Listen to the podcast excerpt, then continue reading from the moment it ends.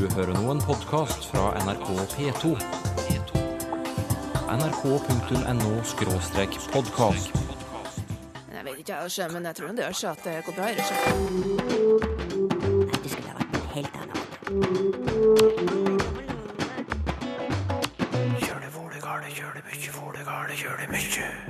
Bruker du det engelske ish? Skal vi møtes sånn klokka åtte ish, da, kanskje? Altså, det er lett å si ish, og det fyller et behov for å kunne uttrykke usikkerhet til det en skal si. Og når det smeller i isen, hva kaller du det? Av og til kan det nærmest minne om brøl eller belging fra en sint okse, og nettopp isokse er et begrep for det der. Tenk på et dyr, Sylfes Lomheim. En ringrev, Det er vel ikke noe dyr? det kan være både en mann og ei kvinne. Nettopp. Men nevn et dyr. Ringrev. Jeg skjønner du har lyst til å snakke om dette i sendingen i dag. Ja, Klimaet gjør at ikke alle har fått den vinteren de ønsket seg, men lytterne er allikevel opptatt av vinterord, Tor Erik Gjenstad. Dialektord knyttet til sånn som is og temperatur og nedbør, eksempel. Oddgeir Johansen i Lakselv skriver at i Finnmark er det mange som sier sne i stedet for snø. Han vil vite hva det kommer av. Og så fortsetter han. I Troms bruker mange snø. Hvordan henger det sammen? Vi kan jo ta sne og snø først, kanskje? Ja, det, er jo flere varianter på det òg, som man òg nevner, som Skjog, Gudbrandsdalen, en del andre òg. Nei, det er har utvikla seg forskjellig i, i dialektene, det her. Du har to former, iallfall i norrønt. Den ene er jo snjor, og den andre er snær. Og den siste her, snær, den kunne jo gi da sne direkte, slik som de har i Finnmark. Men eh, det er jo òg i bymål her og der, så er det, er det sne. Og det er jo også fristende å vise til dansk og, og, og tradisjonelt bokmål, riksmål, her som kanskje er en påvirkningsfaktor, men det kan altså gå direkte tilbake på en norrøn form. Så det er jo sne. Eh, Og så har du da den andre norrøne forma som er snjor, eh, med en j eh, inni. Og, den har jo da for det første ført til den varianten som jeg har, altså snø, med det tjukke. Da er det den j-en som henger igjen. Men den har jo da selvsagt uh, gitt oss snø eh, rett fram, og også snø. For en jo, den kan gå til y. Så det blir som uh, norrønt briota blir til bryte. Så dermed har du fått snø, og det er jo typisk egentlig hele Nord-Norge. Og kysten, Trøndelag, Nordmøre også via nedover Vestlandet som plasser. Også i Østerdalen eh, er den forma snø registrert. Men du, han, han eh, Oddgeir Johansen, han, han lurer på hvordan dette blir som verb. Altså i Troms der det sier 'sny', Ja. hvordan blir verbet da, spør han. Nei, det vil vel rette seg etter substantivet. Jeg vet iallfall på kysten eh, lenger sør så er det snakk om at det snør eller at det snyer. Så det vil, eh, vil være samsvar her. Og hvis du nå har f.eks. denne forma sjog, Ja. Nord-Gudbrandsdalen og Folldalen, så blir verbet sjoge eller sjoga. Ja. Det sjoga på Skjærkinn i Gjerkveld. Det er en sånn klassisk herme. Så, og det kan jo spekulere på hvor det kommer fra den G-en. ja. Sør-Gudbrandsdalen så er det snog, så der har du en G. Det der bør en vel se i sammenheng med noen nordvestlandske former, snøv og snjøv.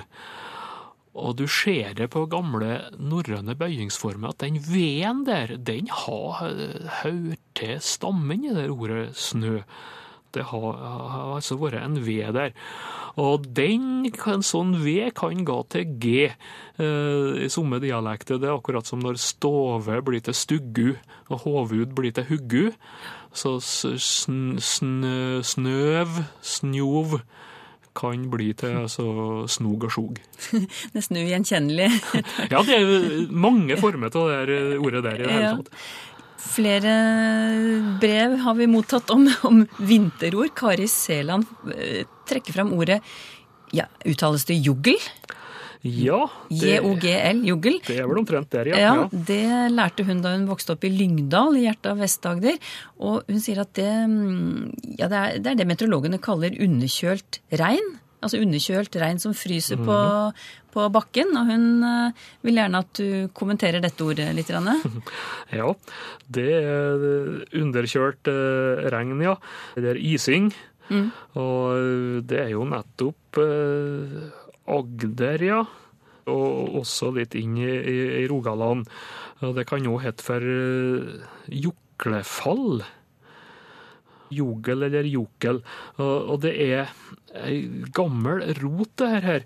Du har noen gamle ord eh, for gammelt østlandsmål, eh, Odalen, Romerike, som betyr det samme, er et jak og en jake, og verbet å jaka, som også er det at det- fryser til is, nedbøren da, på frossa jord.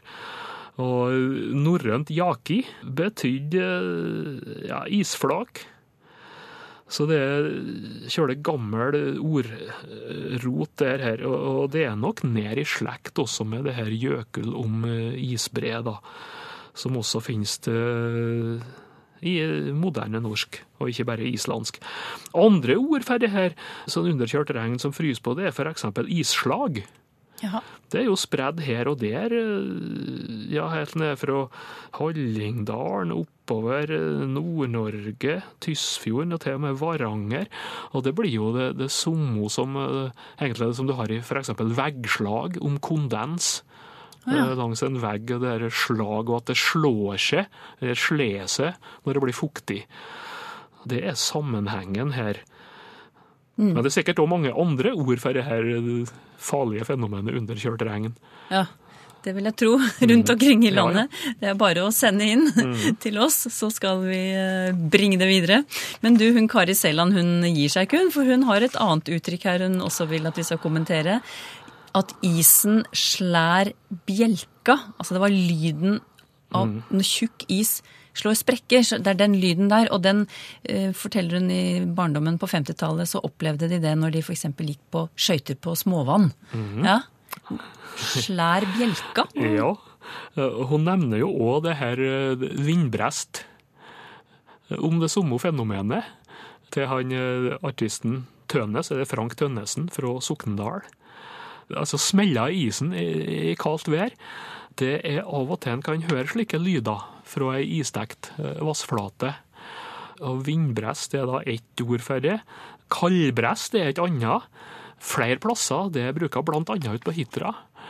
Og Der var det regna som merke på at isen faktisk var trygg, når det var slike smeller til. den. Det er visstnok altså, at du har hullrom inni isen som sprekker opp, og så blir det frigjort luft. Og da kan det bli slike lyder eller smeller. Eh, Av og til kan det nærmest minne om brøl eller belging fra en sint okse. Og nettopp isokse eh, er et begrep for det der. Flere plasser i Trøndelag er det snakk om det, at isoksen rauter. Og det har vært brukt til å skremme unger med.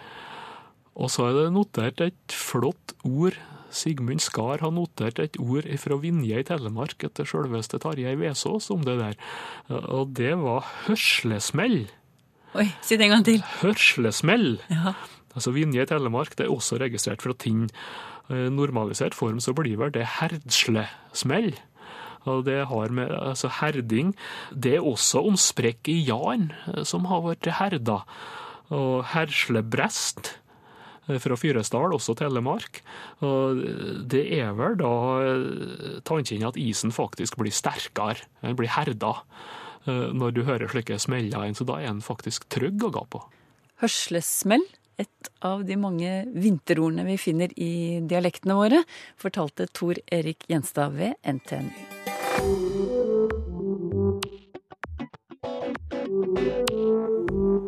Det hadde vært morsomt med en vinterordliste, skriver lytter Kari Seland. Det finnes sikkert mengder av ord knyttet til snø, is og årstid, sier hun, og det gjør det.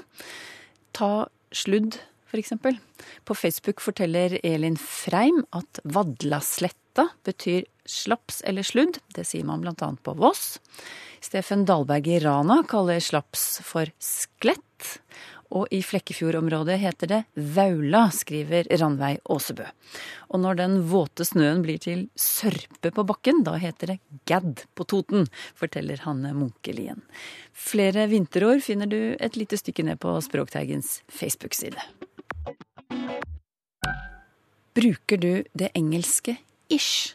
Ja, skal vi møtes sånn klokka åtte ish, da, kanskje? Eller Jo da, jeg strekker jeg òg. Ish. du kan komme over det i en avisartikkel, høre det på radio eller TV. En bekjent bruker det kanskje. Ish er registrert i Det norske akademis store ordbok. Og så holder du på å skrive en masteroppgave om det, Signe Nilsen. Hva betyr ish? Ja, ish kan bety flere ting, og jeg har oversatt det med litt forskjellige ord. Men altså, de aller fleste vil jo tenke at aktig, det norske som vi bruker i norsk nå, eh, det er det som dekker det best. Du legger til ei svekking til et ord eller ei setning. Men eh, jeg har jo for eksempel, så det med Akti, så har jeg jo et eksempel her. eh, Men likevel en direkte ABBA-ish poplåt i sine sentrale deler. Der ville jo jeg ha valgt å oversette det med aktig. ABBA-aktig. Ja. Ja. Du har lett i ulike kilder etter bruk av ish i, i norsk, og hvor finner du det? Ja, jeg har googla ish, og der finner jeg det i eh, en del webforum og blogger. Eh, Veldig mye matblogger. Det virker som det er veldig uformelt. Altså, Jeg har ikke funnet det i nettaviser som presenterer nyhetsstoff. Men jeg har funnet det i, eh, i kronikker og i eh, portrettintervju. Eh, Så der, der det er mer uformelt, der finner jeg det. Så noe i aviser òg, rett og slett. Men mest Ja. på ja, diskusjonstråder og blogger og sånn på nettet. Ja. Mm. Og så har du da sett på hvordan vi bruker det, og, og du deler inn i forskjellige kategorier. Kan du, kan du fortelle oss litt? Altså, hvordan er det Hva slags ulike typer bruk er det av ish? Ja, eh, aller mest så bruker vi det jo eh, i lag med et adjektiv eller et substantiv for å lage et nytt adjektiv. Som for eksempel eh, i dette dømet her. I dette nye heimelivet er det mangt ei raudgrønish dame som jeg burde sette pris på. Sånn at da legger de til ish til raudgrønn for å svekke litt raudgrønn. Hun er kanskje ikke så politisk raudgrønn, men Sånn litt. litt. Ja. Eh, og så har jeg et eh, dømme her. Støvel-ish-sko i størrelse 20 til 21. Da har du lagt ish til et substantiv for å eh, lage et adjektiv. Ja, ja støvel-ish. Ja, det Ja. blir som et adjektiv, det har du rett i. Ja. Litt, litt som en støvel. Sko som er litt som en støvel. Ja, riktig. Ja. Uh, og så er det jo den som kanskje folk flest uh, legger merke til og kjenner seg igjen i. Det er jo det med klokkeslett. Jeg har et døme her. Vi lå i senga til ti-ish en helt nydelig morgen. Så det er nok det de aller fleste husker og kjenner seg igjen i. Det med at noen sier skal vi møtes eh, ti-ish? Skal vi møtes eh, åtte-ish? Den type formuleringer er vel kanskje det folk legger mest merke til. Og det var det jeg la merke til sjøl først òg. Og det kjenner vi jo igjen i, i, fra engelsk. For det er jo der vi har hentet det. Ja, det er Eh, Let's meet eight o'clock-ish, for eksempel. Mm. Men du har, eh, du har flere måter å bruke det på i Ja. norsk. Ja, da, i norsk så har vi, eh, vi har det med at vi legger det til tall som ikke er klokkeslett. Jeg har f.eks. av 250-ish deltakere var 50-ish av den kvinne, kvinner. Og da er det jo de er veldig Vi skal være omtrentlige. Det, det er omtrent som å si at det var cirka. Ja, Ja. Nettopp. Eh, og så har jeg funnet det Og det som jeg syns er mest interessant, eller av de to mest interessante aspektene for min del, da, det er jo det at vi legger det til substantiv. Uh, Men substantivet fortsetter å være et substantiv. Ut ifra sånn som jeg tolker eksemplene mine. Sånn at uh, Her er et eksempel på det. Beatles er det egentlig noe å diskutere. Ops, spoiler Jaha, det må ja. du forklare. Ja, altså her står det til et substantiv, altså spoilere, for rett og slett å si at det er eh, spoiler på en måte, eller, eller en slags spoiler, men det er ikke direkte spoiler. Men altså spoiler, bare for å forklare det ordet, det, er, eh, det det oppfatter jeg som at da ødelegger du mora for noen som ennå ikke har lest boken eller sett Ja. filmen, eller at Ja. du avslører noe. Ja, det er riktig. Men står det ish for seg selv, da? Eller står det sammen med, satt sammen med spoiler, eller hvordan? Det står med en bindestrek. Ja, akkurat. Og det gjør det veldig ofte i eh, eksemplene mine. Nesten alle. Eh, noen står for seg sjøl, men mye bindestrek og apostrof. Ja. Og eh, jeg kan gi deg et annet døme som har veldig lite kontekst, men her står det f.eks. lasagne-ish. Og da kan du jo selvfølgelig velge å tolke det som et adjektiv der det skulle stått lasagne-ish matrett, Ja. men det kan òg tolkes som en slags lasagne. Selve, selve retten. Ja. Ja. Mm. Så, så jeg, eh, jeg har selvfølgelig noen eksempel der jeg er usikker på om det skal bli brukt som et adjektiv eller et substantiv, men begge eh, mulighetene er like plausible. Mange eksempler, men det Ja. er interessant. For det er jo Jeg har spurt litt rundt på huset her i i NRK her i Trondheim. Ja. Og det var mange som aldri hadde hørt eh, ish brukt på norsk i det hele tatt. Så det er jo, det er jo ikke så veldig utbredt, kanskje. Eh, Nå har jo du først og fremst sett på grammatikken i dette, og ikke på hvem som bruker det, hvor mange Ja. og sånt noe. Men du, ish. Er det et ord eller en endelse? Det er begge deler. I noen tilfeller så er det en, en endelse eller et uh, avledningssuffiks, som vi kaller det. Altså den type lite element som du legger til et ord for å endre ordklasse, som i hus og husleg. Eh, dette her oppfører seg på samme måten, og uh, jeg har jo bare sett på tekstbasert materiale, så for meg å undersøke om det er et ord eller ikke, det må jeg jo føle litt på og lese høyt opp for meg. Fordi et av de kjennetegnene vi har på å avgjøre om det er ord eller ikke, det er jo om det, om det får et trykk når vi sier det. Et godt eksempel på at eh, det blir brukt som ord, er òg når det blir plassert foran et annet ord, det, men det er slått sammen, som i uh, ha ish-tid. Ja, hva betyr det? Det betyr at du eh, er på ei veldig omtrentlig tid. Du er ikke så Du kan aldri være nøyaktig. Du kan aldri gi et uh, ordentlig eller et klart tidspunkt. Jeg kjenner noen sånne. Ja. Så er det jo eh, en del av de som vi har vært innom før, der jeg må være helt sikker på at det skal være en, ei ending, altså et suffiks. suffiks. Fordi der får det ikke trykk, og sånn som i rød-grønish, at det blir laga for å lage et nytt adjektiv. Men du, når det er slik at noen av oss har begynt å bruke dette ordet eller endelsen da, i norsk, så, så fyller det kanskje et behov. Eh, Hva skulle det være?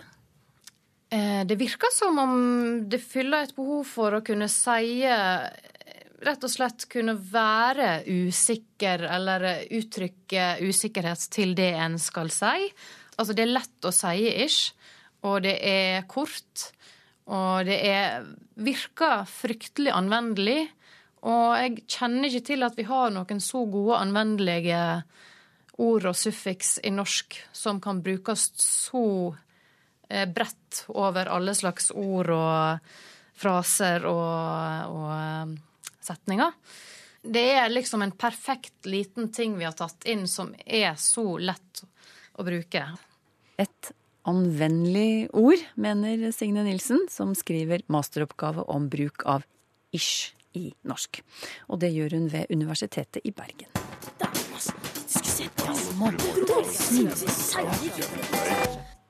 Hvordan ser en ringrev ut, og hva kommer ordet av?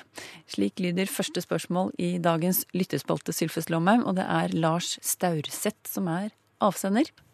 Ein ringrev det kan være både ein mann og ei kvinne, og hun kjende boksaren vår ifra Bergen som gjer det veldig godt, Brekkhus, og som er flink, hun kan vi også omtale som ein ringrev. For eh, det betyr ein dyktig, flink, kanskje til og med slu fyr. Eh, Og det skriv seg fra boksesporten. Ein som er vant til å være i ringen, og er dyktig der, han er en ringrev. Så får vi heller se bort ifra at det er jo egentlig ikke en ring. Eh, Det er jo en firkant de bokser i, men det blir jo ei anna sak. Men hvor kommer reven inn i bildet her? Nei, det er jo bare å bruke et uttrykk fra dyreriket for mennesket, og det er jo, det er jo ikke så uvanlig eh, at vi tek et dyreord når vi omtaler mennesket. Han er ei løve, han er, han er en lur rev. Det å være en lur rev eller en rev er jo etablert i språket som uttrykk for et menneske som er smart eller lur eller noe i den lei. Hvordan skal jammen og neimen brukes, spør Aud Gjelle. Hun reagerer f.eks. på at jammen og ikke blir eh, satt sammen. Eh, eksempel han hadde jammen ikke flaks. Ja. Eh, hva, hva er, er det noen regler her, Sylfes Lomme? Ja, nei, ja, Aud eh, Gjelle mener da at han hadde jammen ikke flaks. Da burde det ha stått han hadde neimen ikke flaks. Hun mener altså at neimen bør brukes sammen med ikke eller ikke, og at jammen skal vi bruke, sjølsagt, men uten ikke eller ikke. Og det går, eh, går godt an. Det, det går godt an å praktisere en slik regel i norsk, men jeg må si at sjølv så vil jeg aldri rette andre på det punktet, og jeg er heilt sikker på at jeg sjøl eh, jammen kunne ha sagt at dette er jammen ikke opplagt, altså at jeg bruker nekting sammen med jammen også. Så jeg vil jo ikke være så streng som Aud gjelder det. Så bør vi legge til, og det er vel derfor jeg ikke vil være så streng på dette punktet, er at orda ja og nei i norsk rett og slett ikke alltid betyr ja, altså bekreftende, og nei, nektende. I veldig mange sammenhenger når vi snakker, så bruker vi ja og nei rett og slett om hverandre. Med samme funksjon. Vi sier ja, du veit nå at slik kan det, eller nei, du veit nå at slik. Så språkbruken er litt mer flytende enn en som så. Jane Kvebekk vil at Språkteigen skal kommentere bruken av egentlig, som i følgende eksempel. Hva er god satire, og hvor går egentlig grensene? Og ordet egentlig er jo ofte et unødvendig ord. Eh, Vi kan jo bruke det, men ofte kan det strykes. Vi kunne jo like godt ha sagt hvor går grensene? Egentlig, eh, på nynorsk kunne vi sagt i røynda eller røynleg, og et annet bokmålsuttrykk vil jo være i virkeligheten. Dette er altså, jeg vil ikke si det direkte fyllord, men ofte kan det strykast. Kvar har vi ordet egentlig fra? Det har vi fra tysk, egentlig, og der har vi ordet eigen, eh, og vi har det jo i eigedom. Egentlig det som tilhører nokon som en slags eigedom. Det er det som ligger bokstavelig talt i egentlig. Men i hvilke tilfeller er det på sin plass å bruke ordet? Er det virkelig eh, nyttig å bruke det? Da vi bør bruke det hvis vi vil understreke hvor går egentlig grensene. Hvor går i røynda grensene, eller hvor går i virkeligheten grensene. Så det er klart vi kan bruke det, men ofte kan det strykes. Mats Eriksen merker seg at ordet visstnok brukes, eh, vanligvis med en grad av skepsis eller uvisshet. Eh, Men i eldre tekster, skriver han, der ser han gjerne at uttrykket blir brukt eh, mer for å uttrykke visshet. Understreke at man er sikker eh, på det man sier. Og da lurer han på hva har ordet visstnok betydd tidligere, og, og har det endret betydning? Nei, ordet viss, eller visst, med to s-er og t, har ikke endra tyding. Det er visst, V-I-S-S-T, det er et ord for sikkert. Og slik er det, og slik har det vært. Men det er veldig artig det Mats Eriksen tek opp, fordi at um, visstnok det betyr jo at noe er litt usikkert. Og det skriver seg fra at i eldre tider så var det et uttrykk slik dette er visst nok. Og da hører vi at da er ikke det helt sikkert. Dette er visst nok. Altså et lite atterhald. Og det er grunn til at visstnok nå i moderne norsk har et lite atterhald, altså at det er litt usikkert. Og så må jeg jo òg legge til at i rettskrivinga så er det stadig vekk slik i norsk rettskriving at det er valfritt, altså begge deler rett å skrive visstnok i ett ord og visstnok i to ord. Olav Mogstad skriver om refleksive former i nynorsk. Former som blir brukt på en måte som skjærer i ørene hans, eh, sier han. Eh, Han har et par eksempler her. Søknad sendast hovedkontoret. Og et annet eksempel finner han på melkekartongen til eh, Tine. Det gjelder eh, skummet surmelk, og øverst på kartongen står det 'vendast før bruk'. Og så spør han er disse formene som jeg har gitt eksempel på, godtatt i nynorsk.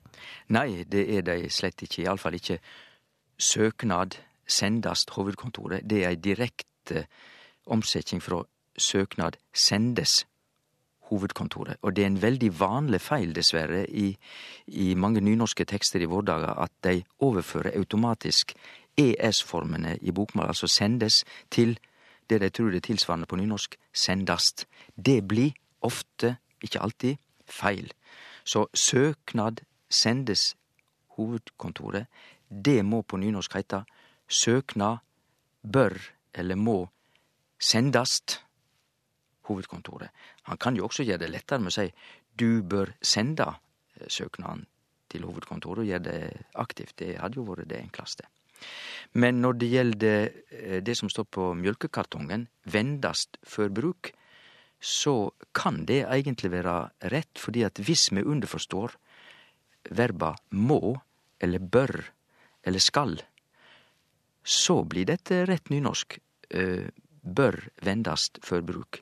For det er akkurat slik AST skal brukes på nynorsk, at vi bruker det etter verb som må og bør og skal. Men vi må ikkje bruke ast som direkte omsetning av søknad sendes hovedkontoret. Der må vi ikkje føre det over til søknad sendast. Der må det bli søknaden skal du, bør du senda, eller send søknaden til. Har du spørsmål til Språkteigen? Skriv til Teigen, krøllalfa nrk.no, eller til Språkteigen, NRK P2, 7005, Trondheim. Så finner du oss også på Twitter og på Facebook.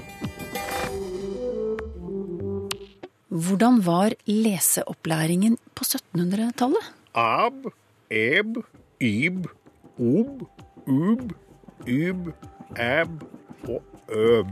Den første norske ABC-boken ble utgitt i 1777. Den skal vi bla i neste gang.